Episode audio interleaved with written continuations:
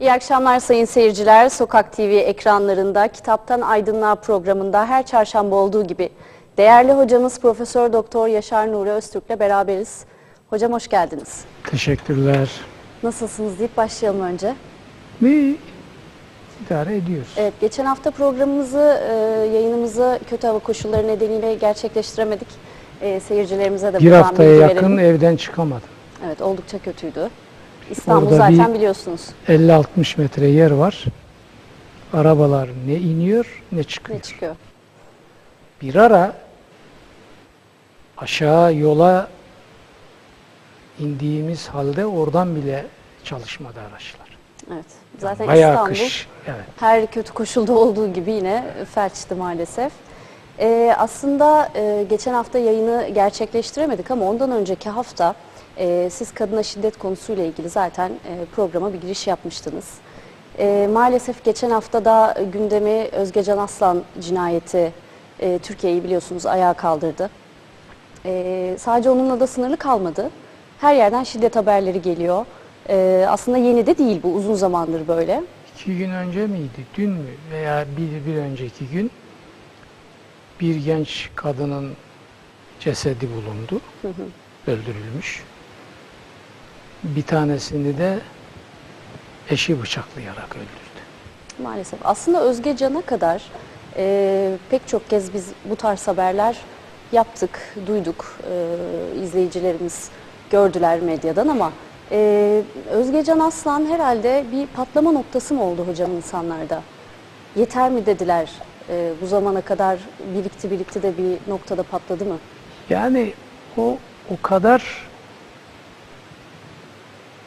masum, o kadar beklenmedik bir hadise ki. Yani ötekilerde bir bahane buldu işte. Yok şunu yaptı, bunu yaptı, kaçtı, uçtu falan. Burada öyle bir şey yok. Dolmuşa binmiş, okula gidiyor. Bu ne demek? Bu şimdi izah edeceğim biraz. Toplumun şuur altında, bilinç altında Freud'un tabiriyle libidinal bir kudurmuşluk vücut buldu. Açıklayacağım onu. Bu libidinal dengesizlik, kudurmuşluk, azmışlık bir defa vücut buldu mu bundan en büyük zararı hatta tek zararı kadınlar görür. Hele bizim toplumumuz gibi ataerkil bir toplumda. Maalesef. Gerçi insanlık tarihinde ataerkil olmayan toplum yok denecek kadar azdır. Ama bizimki iyice dengesiz, sınırsız, yularsız. Tamamen Yani- kontrolden çıkmış vaziyetteyiz galiba Efendim bu konuda. bakın kadına zulümden zevk alan bir toplum haline geldi bu toplum. Bakın bunun sonucu kutsal metinlere göre o toplumun üzerine Allah'ın büyük bir felaket yağdıracağıdır. Hatalar her zaman olur. Kadında da olur, erkekte de olur, ikisinde de olur. Ama bu, böyle bir şey değil. Şimdi ben İslam tarihinin fıkıh literatürünü bana göre İslam din ilimlerinin ana disiplinidir.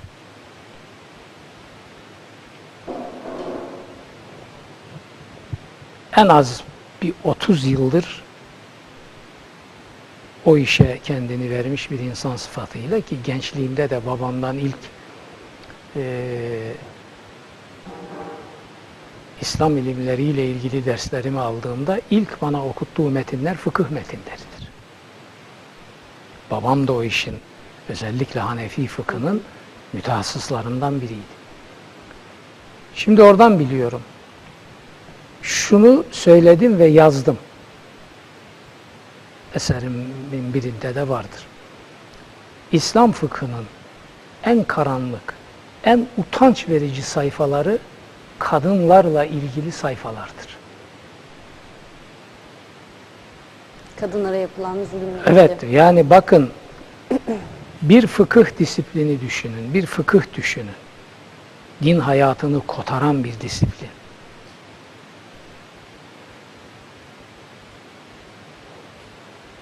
Kadını kara köpek, domuz ve eşekle eşitliyor. İnsan yerine koymuyor. Ya İnsandan insan saymıyor. yerine koymaz da nesneleştirir bugün olduğu gibi. Yani bu da insan değil. Ama ben bunu temiz tutuyorum. Çünkü bunda su içiyorum, çay içiyorum. Değil mi? Bakın aziz tutuyorum. Bu öyle bir şey değil. Ve daha korkuncu şu anlayışı uydurdukları hadislerle, hadis adı altında uydurdukları sözlerle bir de peygamberimize mal ediyorlar. Şimdi siz bu peygamberi tarihi şahsiyetiyle ve Kur'an'dan öğrenmeyen bir adama bu kitapları okuttuğunuz zaman bu adam bu dine, bu peygambere saygı duyar mı? Duymuyor bakın insanlık insanlık bugün çok üzülerek söylüyorum, çok. Bu İslam denen derde karşı, bu şiddete, bu musibete karşı kendimizi gelecek zaman içinde nasıl koruyacağız bunu bunu düşünüyor, bunu konuşuyor, bunu tartışıyor. Bu işte Charlie Hebdo olayıyla da çıktı ortaya. Bakın ayağa kalktı herkes.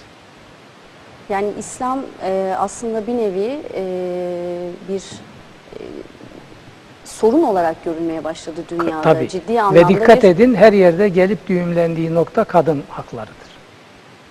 Hocam Çünkü aslında kadın kadın bakın göstergedir. Kadın mesela bizim İslam tarihinin dev düşünürlerinden İbn Arabi'ye göre Allah'a sevginin miyarı da kadın kadına saygıdır. Çünkü diyor ki Allah erkeğe birçok sıfatından pay vermiştir ama halikiyet, halikiyet, yaratıcılık sıfatından sadece kadına pay vermiş. Çocuk doğuruyor, annelik. Şimdi bu var. Öbür tarafta kadın adeta erkeğin zaferlerini kutlamak için daha çok ezmek zorunda olan olduğu bir mahluk. Onu ne kadar ezer, ne kadar horlar, ne kadar düşük gösterir, ne kadar köleleştirirse, köle demiyorum, köle değil. İslam fıkhını tetkik ettiğiniz zaman köleler çok şanslıdır kadınlara göre. Tabi kadınların da köleleri var işte cariye dedikleri mesela. Ee, hürleri, köleleri o ayrım da Kur'an'a dayanmayan bir ayrımdır. Ayrı. Ama köleler çok şanslıdır.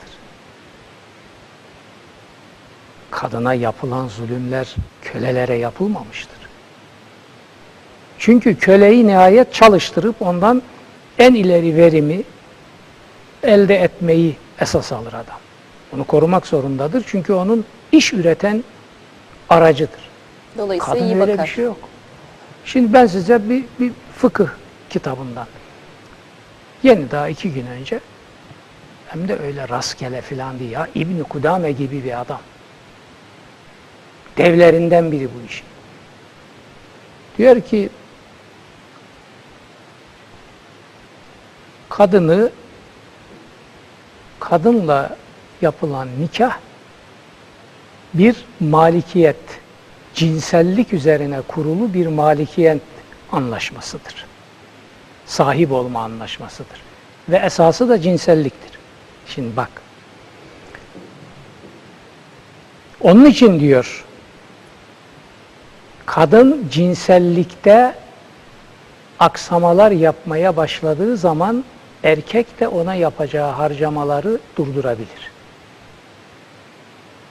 Sağlıkla ilgili meselelerini mesela diyor onun kotarmaz. Kendisi başının çaresine baksın. Bu şuna benzer diyor. Bir evde oturan kiracının durumuna benzer bu diyor.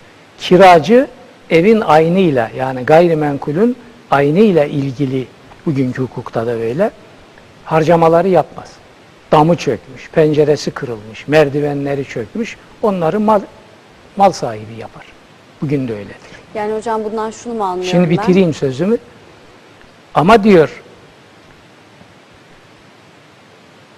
kiracı bunları yapmaz. Şimdi kadın diyor sağlıkla ilgili bir problem çıkıp harcama e, ihtiyacı ortaya getiriyorsa koca bunu karşılamak zorunda değildir. O koca onu diyor kiralamış durumdadır. Onun cinselliğinden yararlanır. Ama sağlıkla ilgili şeyler tıpkı mülkiyetin aynına ilişkin hususlar gibidir. Onları malik sıfatıyla kadının bizzat ki ya böyle bir firavunluk, böyle bir iblislik, böyle bir namussuzluk olabilir mi? Senin nerene ben saygı göstereceğim? Hem ne başındaki sarağa mı saygı göstereceğim? Yani parası karşılığında kadını cinsel ihtiyaçlarını karşılayacak bir obje yani Kardeşim bir varlık onun olarak görüyor Ya. Efendim onun bile bir vefa, bir insanlık borcu var ya. Kur'an diyor ki ayrıldığınız zaman anlaşmanız olsa dahi yani nikah akdine koymuşsunuz. Sana verdiğim şunlar şunlar şunlar hepsini geri alacağım. Almayın diyor. Şöyle şöyle günler geçirdiniz. Yakışmaz diyor. Büyük gönüllülük yapın. Bırakın diyor onu onlara. Şimdi ona bakın. Bu yanki sarıklı iblislere bakın. Şimdi ben insanlığa diyorum ki ya İslam diye bir mesele zihninizde varsa kardeşim gidin bunu Kur'an'dan öğrenin. Onun dışından öğrendiğiniz İslam filan değil, din de değil o. Bırakın canı cehenneme nereye gidiyorsa gitsin. Ha Kur'an'la da bir probleminiz varsa işte o inkar problemidir. O ayrı bir kategori. Ama bir adam ben bu geleneksel kitaplardaki dini ben bunu din kabul etmiyorum dediği zaman bu adamın hemen boynuna sarılır bunu öperim. Saygı duyarım bu adama. Kur'an için aynı şeyi söylerse onunla konuşacaklarım var. Hatta hesabım var. Onun için okuyun diyorum. Yani Kur'an hakkında bun, bunları nasıl söyleyeceksiniz okumadan? Okumuyor insanlar. Okuyun. Eğer hala bir problem çıkıyorsa ki ben hiç görmedim. Her gün bana onlarca bazen yüzlerce geliyor. Sen bize Kur'an'ı oku dedin. Biz din imini kaldırıp atmıştık. Kur'an'ı okuduktan sonra ha buysa biz burada varız. Dedik. Evet. Ben hala aynı iddiadayım ve bunu ispata da hazırım. Şimdi şuraya getiriyorum. Bizim o libidinal şuur altını, bilinç altını bozan bu sahte dindir. Bunun propagandistleridir. Bunun avukatlarıdır. Şimdi burada tekrar oralara girmek istemiyorum. Siyaset yapıyor diyecekler. Canım bu siyasetse o zaman fikir ne hangisi? Neyi konuşacağım ben? Ama Şimdi bir zihniyetin, noktada- bir dinci zihniyetin başefendisinin çıkardım. Kadın yolda olan kadın kitabımın da bir yerine koydum. Kadınlarla ilgili geldiği günden beri söyledikleri sözlere var. Dehşete düştüm. Ayıp, ayıp, ayıp. Kalıbından utan. Ettiğin secdelerden utan. Allah'tan utan. Bö- Böyle bir şey olur mu ya? Sen bunu toplumun önünde böyle yaparsan, senin küçükleri evladın, büyükleri kardeşin veya e, efendim arkadaşın mesabesinde olan insanlar ne yaparlar? İşte böyle yaparlar. İşte Özgecanlar gider. Sorun bir noktada da aslında siyasi çünkü siyasi dil de belirliyor Hayır bu tabii şiddet efendim siya- ortamını. siyasetle linki olmayan hiçbir şey hayatta mana ifade etmez. Şimdi ezberlemişler. Yolunu bulmuşlar bunun.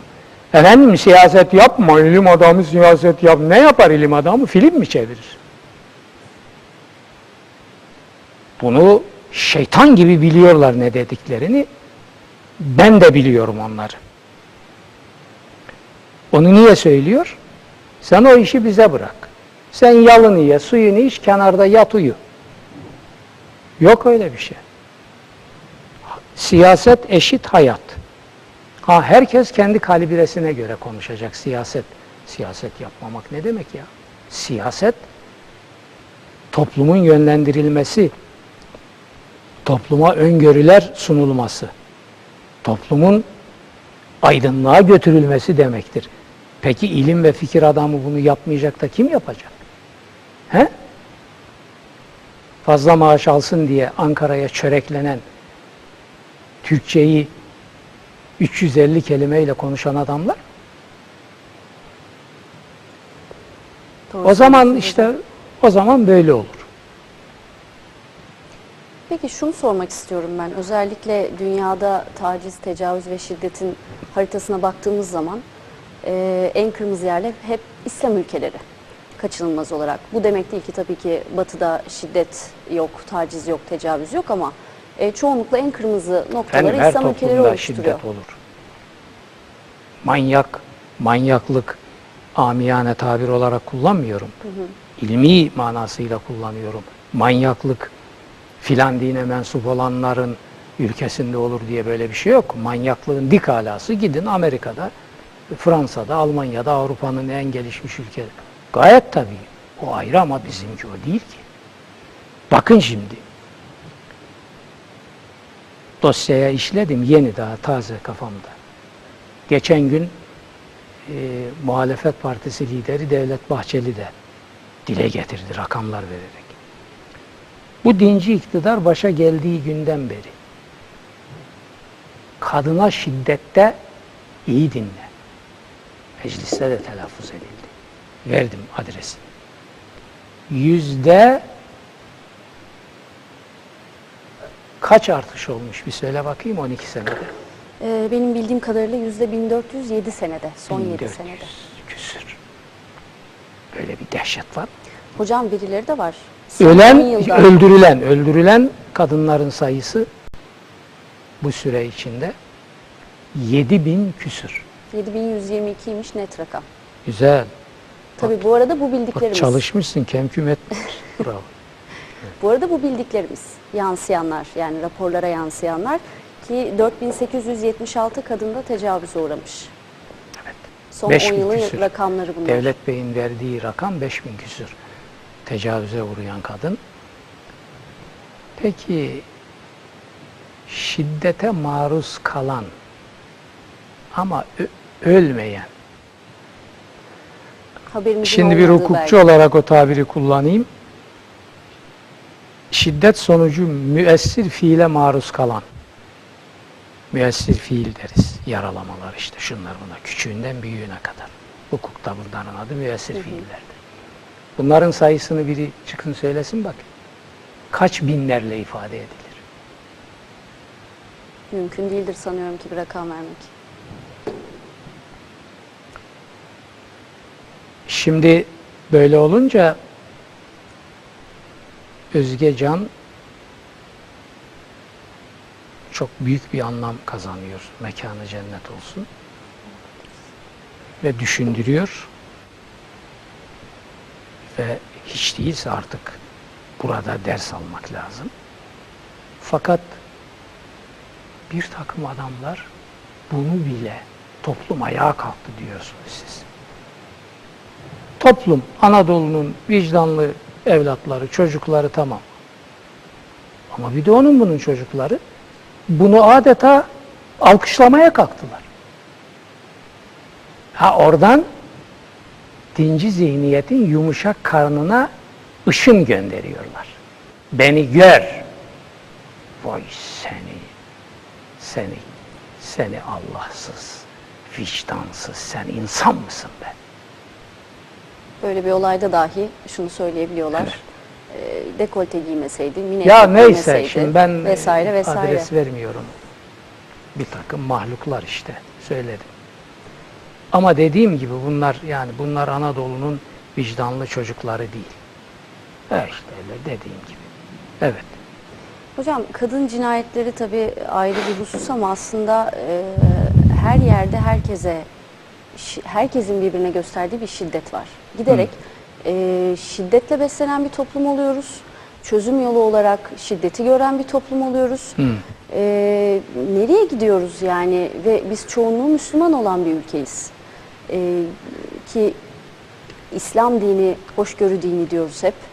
E, Şimdi bırakın uzak o, bir din o diyoruz. sakız, sakız lafları bırakın. İslam demin dedik İslam meselesi. Ben artık İslam dini diye bir tabir kullanmıyorum.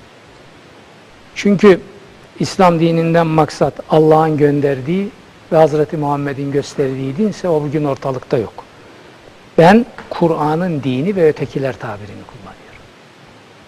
Kur'an'ın dini yok ortada. İslam, Mehmet Akif 1920'de söylüyor bunu. Müslümanlık bilmem ama galiba göklerdedir diyor Büyük Akif. Büyük ruhlu Akif. Kur'an vicdanı Akif.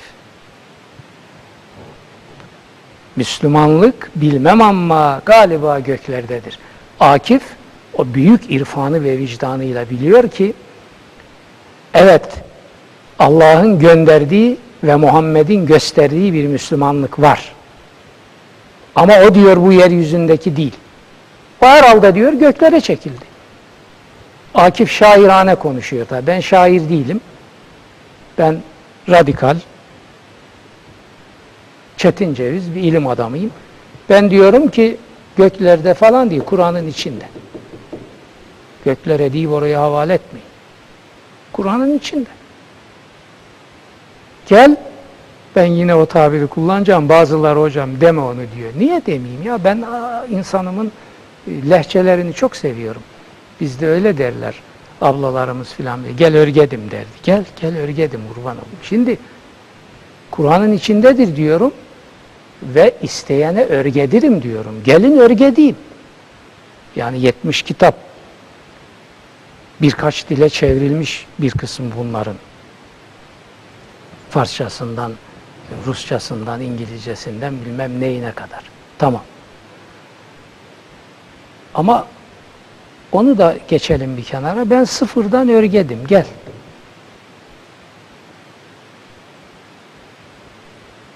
Şimdi bu toplum bu hale getirilmiş bir dinle Allah'a nasıl yaranacak tırnak içinde? 500 metreye bir cami yaparak? O camilerle Allah'a yaranılmayacağını Kur'an bize Maun suresi ve Tevbe suresinde gösteriyor. Diyor ki bunlar insanlara zarar veren camilerdir. Bunlarda sakın diyor ibadet etme. La takum fihi ebeda. Peygamber'e emir. Onun şahsında hepimize. Bunlarla yaranamazsınız. Bunlarla yaranamazsınız. Bu ülkenin bütçesinden beş buçuk katrilyonu namaz kıldıran adamlara maaş diye dağıtıp sonra da bir küsür trilyonluk Mercedes'e binip başa beyaz sarık koymakla beyaz olmaz işler. Bunları kime yutturduğunu zannediyorsunuz siz? Kime? Ha böyle deyince tabii bunlar bıyık altından gülüyorlar eminim. Diyorlar ki sen yutma. Yutanlar yüzde elli civarında. Tamam. Onlar da belalarını bulacak. O faturayı onlar ödeyecekler. Esas onlar ödeyecek. Öbürleri öbürleri çekeceğini zaten çekmiş. Vicdanları rahat. Bunları ödemeyeceğinizi mi zannediyorsunuz siz? Bir tanesi bana bir iki sene önce bir televizyoncu. Şimdi paralel maralel çete filan diyorlar ya o havalarda. Dedim ki çok ağır konuşuyorsun öbür insanlara karşı filan böyle. Ya siz Allah filan değilsiniz. Onlar da değil bu madalyonun bir de tersi olur. Bu insan hayatı bu biraz tarih okuyun falan. Öyle bir şey yapar hocam hocam dedi. Madalyonun tersi filan hiç olmayacak. Bir sene geçmedi aradan. Recep Bey bunları haşhaşi çete ilan etti.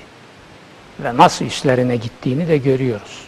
Yani Allah ödülünü herhalde verecektir. Çünkü ondan başka hiç kimse bu temizliği yapamazdı. E ama biz Recep Bey'den de Recep Bey'den de ben de şikayetlerim var. Ama sandıktan çıkmadım Allah'a ısmarladı çeker gider.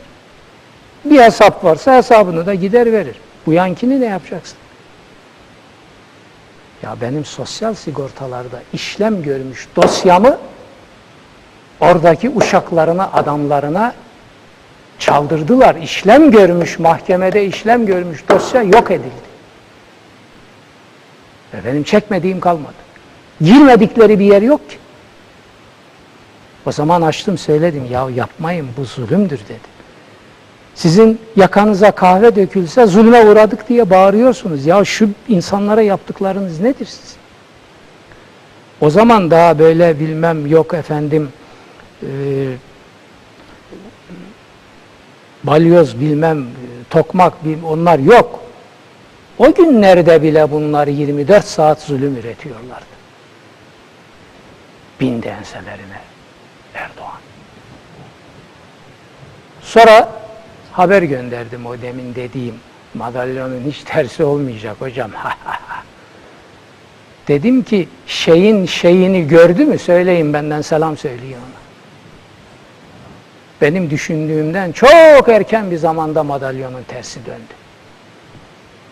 Cevap yok. Haber gönderdim. Selam mevkiinde söyleyin dedim. İyi günler diliyorum. Şeyinin şeyini gördü mü dedim. Siz Allah'a posta koymaya kalkıyorsunuz ya? Öyle, öyle zannediyorlardı kendileri. Bunlar diyordu ki Allah'a posta koyulabilir. Bize posta koyulamaz. Koyulamaz. Hiç kimse bize posta koyamaz. Bak nasıl posta koyan var. Gördün mü şimdi? Evet. Peki. Hocam şundan da bahsetmek istiyorum. Az önce bahsettiğiniz konularla da paralel aslında. İnsanların e, adalet duygusu çok zarar gördü. E, bütün bu süreçlerde, yaşanan bütün bu süreçlerde. E, O yoksa zaten her şey bitmiştir. Evet ve ciddi anlamda da insanların hukuka güveni kalmadı. mihveri şaftı diyorum ben. Toplumun veya toplumsal mutluluğun şaftı adalettir. Adalet kaydı mı bitti. Benzini iyiymiş, süper benzinmiş, farları böyleymiş, kaportası şöyleymiş, e, koltukları hiçbir işe yaramaz. Şimdi Türk toplumunda adaletin şaftı kaydı. Adalet diye bir şey bırakmadılar.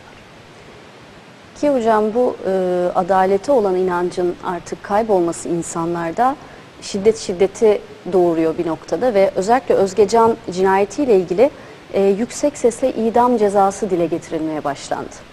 E, çünkü insanlar Söyleyeceklerim var orada. Evet hukuki anlamda e, bunun ceza görmeyeceğine geçmiş örneklere bakarak kanaat getirdikleri için bunu konuşmaya başladı ve ben de merak ediyorum. Yani İslami anlamda da bu e, nedir yeri idam cezasının? İşte kısasa kısas diyenler oldu. E, O geniş konuda- geniş tartışılır. Ben bir hukukçu olarak da tartışırım onu. İlahiyatçı olarak, felsefe hepsinde. Ama şunu söyleyeyim. Hepsini şöyle bir kenara koy. Şu kadına yapılanlar idam cezasının gerekliliğinin kanıtıdır. Şimdi orada birkaç şey söyleyeyim. Bu ülkede idam cezası kaldırıldığı günden beri onun geriye getirilmesi gerektiğini ve bir gün bunu Türk toplumunun geriye getireceğini söyleyen ilk adam benim. 1992'de yayınlandı benim Kur'an'daki İslam kitabım. Onun hangi baskısındadır? Koymuşum oraya. Gayet açık belgesiyle. Milletvekilliği yaptığım dönem 5 yıl Millet Meclisi'nde yine orada gündeme getirdim. Ve Avrupa'nın hata yaptığını söyledim. Yani küresel düzeyde de bunu söylüyorum. İdam cezası nedir bakın. Hukuk felsefesi açısından. İdam cezası öyle bir cezadır ki o sade kendine has işlevi yapmakla kalmaz. Ceza hukukunun her alanında, her maddesinde etkinliği artırır, yerine oturtur. İdam cezası olmayan bir hukuk sisteminde ceza hukukunun etkinliği yoktur. Bu şuur altı yaratır. Bunu kimse tartışmıyor. Sonra şimdi idam cezası dendiği zaman takmışlar kafayı. İşte terör örgütünün başı. Ya git terör örgütünün başına bu bakımdan sıra gelinceye kadar sabah açar. Bakın hanımefendi, adam 15 aylık bebeğe tecavüz ediyor. Kudurmuş bir köpek. Haşa köpeklerden. Sonra da öldürüyor onu. İdam cezası yok. Ne yapacağız? Alıyoruz, koyuyoruz hapishaneye. Vergilerimizle O besliyoruz. çocukları dur. O çocuğu katledilen o bebenin anne babasının verdiği vergiyle o domuzu besliyoruz orada. Böyle bir dünya yok. Süratli bir şekilde hukuk işletilip muhakemeler peş peşe süratle bitirilip hemen bu mahluku ipe çekeceksiniz.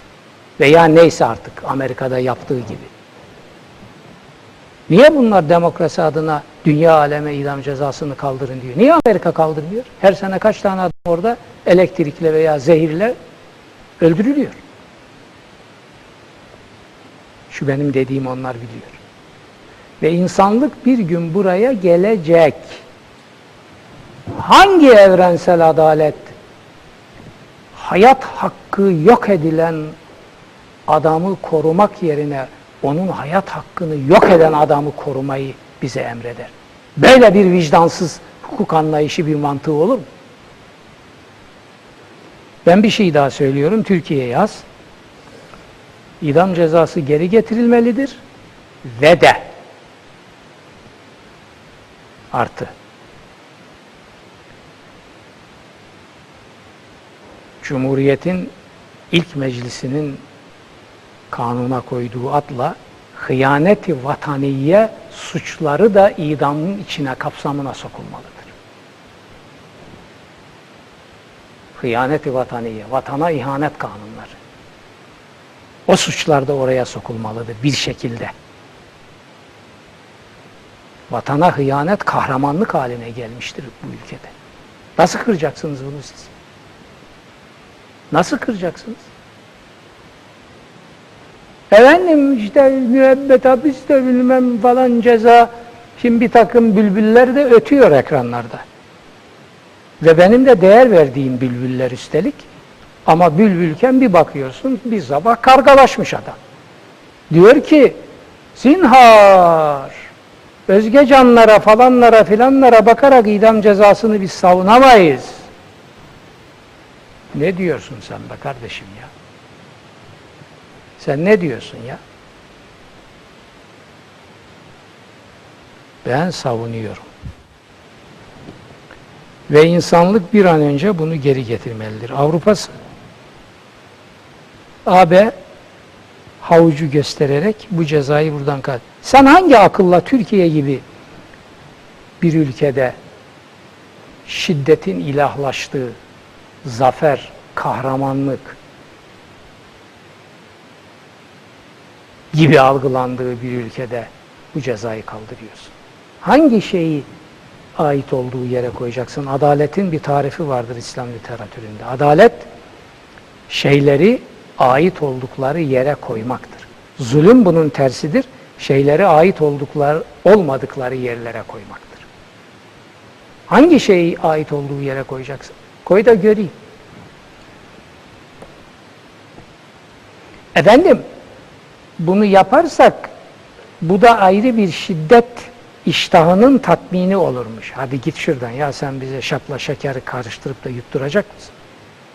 Biz ikisinin de ne olduğunu biliriz. Tabii ki çok hassas mizanlar kullanarak, çok ince eleyip sık dokuyarak. Ama farz-ı muhal o şekilde ince eleyip sık dokursunuz ki biri okuduğu zaman bunu ya bu ölüm cezası burada var ama bu bir imkan yok uygulanmaz mı? Öyle şartlara bağlı. Olsun öyle desinler ama koy onu oraya ta ki ceza hukukunun bütün etkinliğini tetiklesin o. Peki hocam, e, sizi dinleyen insanlar, yazılarınızı okuyan insanlar, e, siz tabii ki her, her şeyden önce onları okumaya ve Kur'an-ı Kerim'i anlamaya teşvik ediyorsunuz. Ki e, teşekkür yazıları da geliyor size sürekli, onları da okuyoruz.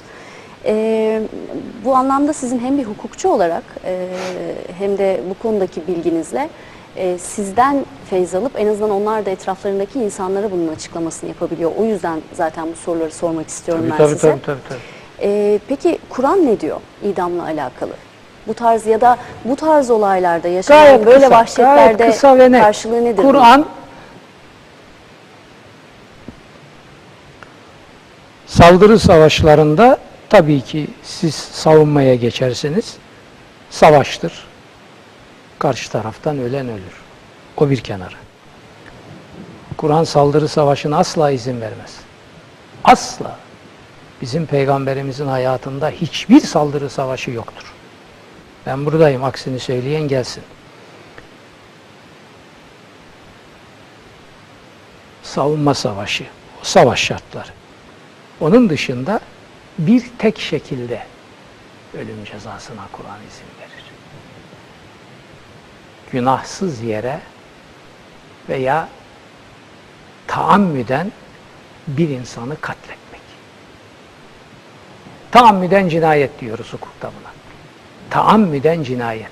Bakın ama Kur'an orada rahmetini işletiyor. Diyor ki bu durumda bile eğer ölenin varisleri ittifakla bir tanesi yan çizerse olmaz. Bak insan hayatına saygı. İttifakla biz tazminat alalım. Onun ölmesinden bize ne fayda? Tazminat istiyoruz. Tamam mı? Derse diyet e, fıkhi karşılığıyla o zaman diyor idam edemezsiniz. İşte 20 tane varisi var. 10 tane varisi var. Bir tane var. Bilemeyiz. Gel dedi ki biz tazminat istiyoruz. Onun öldürülmesini istemiyoruz. Hiç kimse onu öldüremez. idam edemez. Affetme yetkisini de yine insana Veriyor. veriyor. Aynen o tabiri kullanmıştır. Femen hufiye lehu min ahihi şey'un diyor. Bakın. Yine kardeş tabirini ve af tabirini kullanmıştır. Kur'an'ın dünyası böyle bir dünya. Ölümü düzenliyor. Ölüm cezasını düzenlerken şu kullandığı tabirlere bakın. Femen ufiye lehu min min ahihi şey'un. Kardeşinden böyle bir durumda bunu affederse, afla karşılarsa onun ödülünü Allah verecektir diyor. Büyük bir sabır, büyük bir olay. Değil mi? Ama yok hepsi istedi, biz bunun idamını istiyoruz dedi mi hiç kimse durduramaz. İşte idam. Kur'an'ın cevaz verdiği budur. Peki hocam şunu da sormak istiyorum. Genel olarak e, toplumsal olarak bir şiddet sarmalının içindeyiz dedik ki e, gazeteci Nuh Köklü'nün kar topu oynarken öldürülmesi, e, Ege Üniversitesi öğrencisi e, Fırat Çakıroğlu'nun öldürülmesi. Yani sürekli şiddet haberleriyle yaşıyoruz. Her gün yeni bir tanesini duyuyoruz.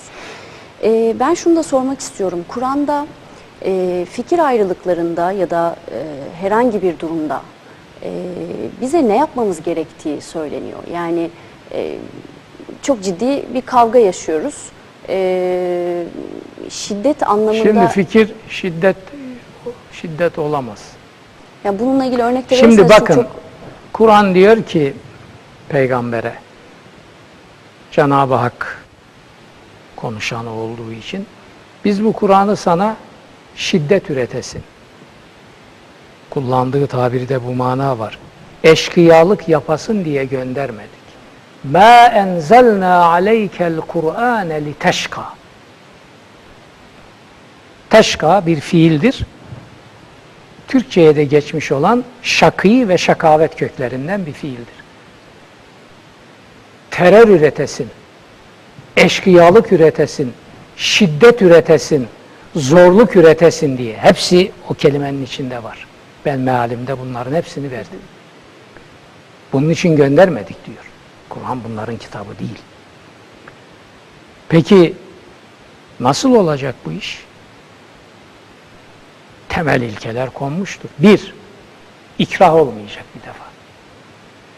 Yani baskı, zorlama, tamam mı? Manipülasyonla insanlara bir takım şeyleri yaptırma olmayacak. Bu yoksa zaten şiddetin altındaki sandalye gitmiş demektir. Şiddeti bu üretir. Bastırırsınız, bastırırsınız. 1 2 1 2 1 2 1 2 subap yok. Adama konuşma hakkı vermiyorsunuz, yazma hakkı vermiyorsunuz. Değil mi? Gösteri hakkı vermiyorsunuz. Ne olacak? O buhar tabiat kanunu. Patlatacak tencereyi. Sonra tencere gelecek senin yedi sülalenden beri hepinizin canını okuyacak. Şimdi ikrah kalkacak diyor. Peygamber'e diyor ki sen tebliğ yapacaksın, hesap sormaya kalkmayacaksın. Fe innema aleykel belag ve aleynel hesap diyor. Hesap sormak bizim. Sen tebliğ yapacaksın. Gerçeği göster, aydınlat, gerisine karışma. Sen diyor öyle Allah'lık havalarına girme peygambere. Şimdi şiddet üretenler ne diyor? Adam bu din adına hüküm koymuş. Namaz kılmayan ihtar edilir, onu da e, şey yapmıyorsa şu kadar cezalandırılır, daha olmuyorsa katledilir. Vay alçak, vay, vay kitapsız, vay sen. Kur'an'ın neresine dayandırıyorsun? Kur'an namaz kılmayanları tehdit bile etmiyor. Ama namazı muntazaman kılıp da onu çıkarlarına araç yapanları, sizin gibileri lanetliyor. Onu örtmüş o Maun suresinin üstünü örtmüş. Bu yandan uydurduğu bir hadisi Muazzez peygamberimize isnat ederek haşa işi hesabına getirmiş. Onun için Kur'an'ın ilk emri olan okumanın tecellileri bu toplumda yok. Okul sayısı cami sayısının yarısı bile değil. Felsefe kulübü, fikir kulübü neredeyse yok. Neredeyse değil, yok. Zaten felsefeyi kaldırdılar okullarda. Şimdi bu bir taraf. Bir şey daha söylüyor Kur'an. Diyor ki benim mensuplarım sözleri dinleyecekler, onun en güzeline uyacaklar. يَسْتَمِعُونَ الْقَوْلَ فَيَتَّبِعُونَ اَحْسَنَهُ Bu özgün metni okuyorum senin için değil. Veya sana caka yapmak için değil. Sen Arapça da bilmiyorsun zaten. Tamam. maalesef. Ama bizi dinleyen, bu işi bilen, hatta bazılarına hocam diye hitap ettiğim insanlar var. Ben Kur'an'ı baştan sona 50 yıldır ezbere okuyan bir adamım. Ama o insanların içinde bu meziyeti olmayanlar var. Kur'an'ı bilirler muhtevasını. Tamam da Şimdi ben burada konuşurken ya acaba hoca hangi ayete atıf yaptı? Zorlamasın kendini diye ben buradan ona hemen tak veriyorum onu bitti. Bu da bu işin güzelliğidir. Evet aynen öyle diyor. اَلَّذ۪ينَ يَسْتَمِعُونَ الْقَوْلَ فَيَتَّبُونَ اَحْسَنَهُ Benim mensuplarım tarif yapıyor. Bana göre demokrasinin metafizik dayanağı budur. Yazdım kitaplarımda. Sözleri dinlerler, onun en güzeline uyarlar. Zaten Nilaycığım Sözlerin hepsini dinlemeden en güzeline nasıl uyacağım? En güzelini seçmem için hepsini dinlemem lazım. Şimdi diyorlar ki hayır. O konuşmayacak. Çünkü bizi eleştiriyor. Bu da konuşmayacak, o da eleştiriyor. Şu da yazmayacak, o da eleştiriyor. Bizim havuzdan olanlar konuşacak. Sonra da diyor ki Türkiye'de yeni demokrasi. Yahu yapmayın, yapmayın, yapmayın. Ya siz bunlara inanıyor musunuz bu söylediklerinize? Yoksa bizi eşek mi zannediyorsunuz? He? Bıraksana ki herkes konuşsun. Sen ben Kur'an diyorsun, benim dinimin kitabı Kur'an diyorsun. Namaz nerede lan? Nerede bunlar? Bıraksana işte bu ayetin dediği bu Zümer suresinin bir ayeti. Bütün sözleri dinlerler, ondan sonra onun en güzeline uyarlar. Dinlesinler de en güzeline uysunlar. Çetin Altan bir gün bana Allah selamet versin dedi ki bir yemekte bir yerde karşılaştık bir resepsiyonda. Benim masamdan yanıma oturan adam isimler yazılı pervasız bir adam. Geldi onu aldı o ismi oradan götürdü kendi yerine koydu. Kendininkini de aldı benim yanıma. Ben burada oturacağım dedi. Seninle konuşacaklarım. Konuştuk tabii iki saat boyunca. Dedi ki ya kardeşim sen benim başıma büyük iş açtın. Ben seni dinlediğim zaman tabir onun diye kullanıyorum. Rütük bizi mazur görsün tırnak içinde. Seni dinlediğim zaman kendi kendime diyorum ki ulan ben enayi miyim? Ben niye bu kadar güzel şeyin içinde değil? Ama öbürlerini dinlediğim zaman Tanrım sana şükürler olsun ki ben bunun dışındayım diyorum. Nasıl çözeceğim ben bu işi dedi. Ben ona bir reçete verdim. Bilmiyorum ne İyi gelmiş mi hocam? Bilmiyorum. Peki e, sizin sohbetinize, bilginize, ilminize doyum olmaz ama arkadaşlarım da beni uyarıyorlar e, şu an. Bize doyum olmaz ama bizi susturmak mecburiyeti var diyorsun. Öyle mi diyorsun? Öyle de demiyorum tam olarak ama Öyle diyenler de var. bir reklam arası gireceğiz çünkü Hoca artık diyorlar. reklamı bekliyoruz. Kelamı da, kalemi de çok kuvvetli. Onunla bilgi yarışına giren helak olur. Hikmet yarışına giren diyor? Ama konuşmaması lazım. Niçin? Bizim fincancı katırları ürküyor. Düşünen, konuşan insan her zaman tehlikeli olmuştur zaten. Bir gün tarihte. O fincancı katırlarını ürküten hocanın sözümü bitiriyorum. Onların hayrına bile konuşmasının ne kadar önemli olduğunu anlayacaklar ama Mevlana'nın dediği gibi o zaman ben bu dünyada olmayacağım. Mevlana öyle diyor. Biliyorum diyor. Bir gün gelip mezar taşımı öperek ağlayacaksın. Bana yaptıklarından pişmanlık duyup tövbeler edeceksin. Bunu yapacaksın diyor. O zaman bekleme o günü diyor. Şimdiden gel diyor. Anlaşalım, kucaklaşalım. Umarım erken olur. Peki. Ee, Kitaptan Aydınlığa programından bu akşamlık bu kadar. Haftaya çarşamba tekrar değerli hocamız Profesör Doktor Yaşar Nuri Öztürk'le biz karşınızda olacağız. Şimdilik iyi akşamlar.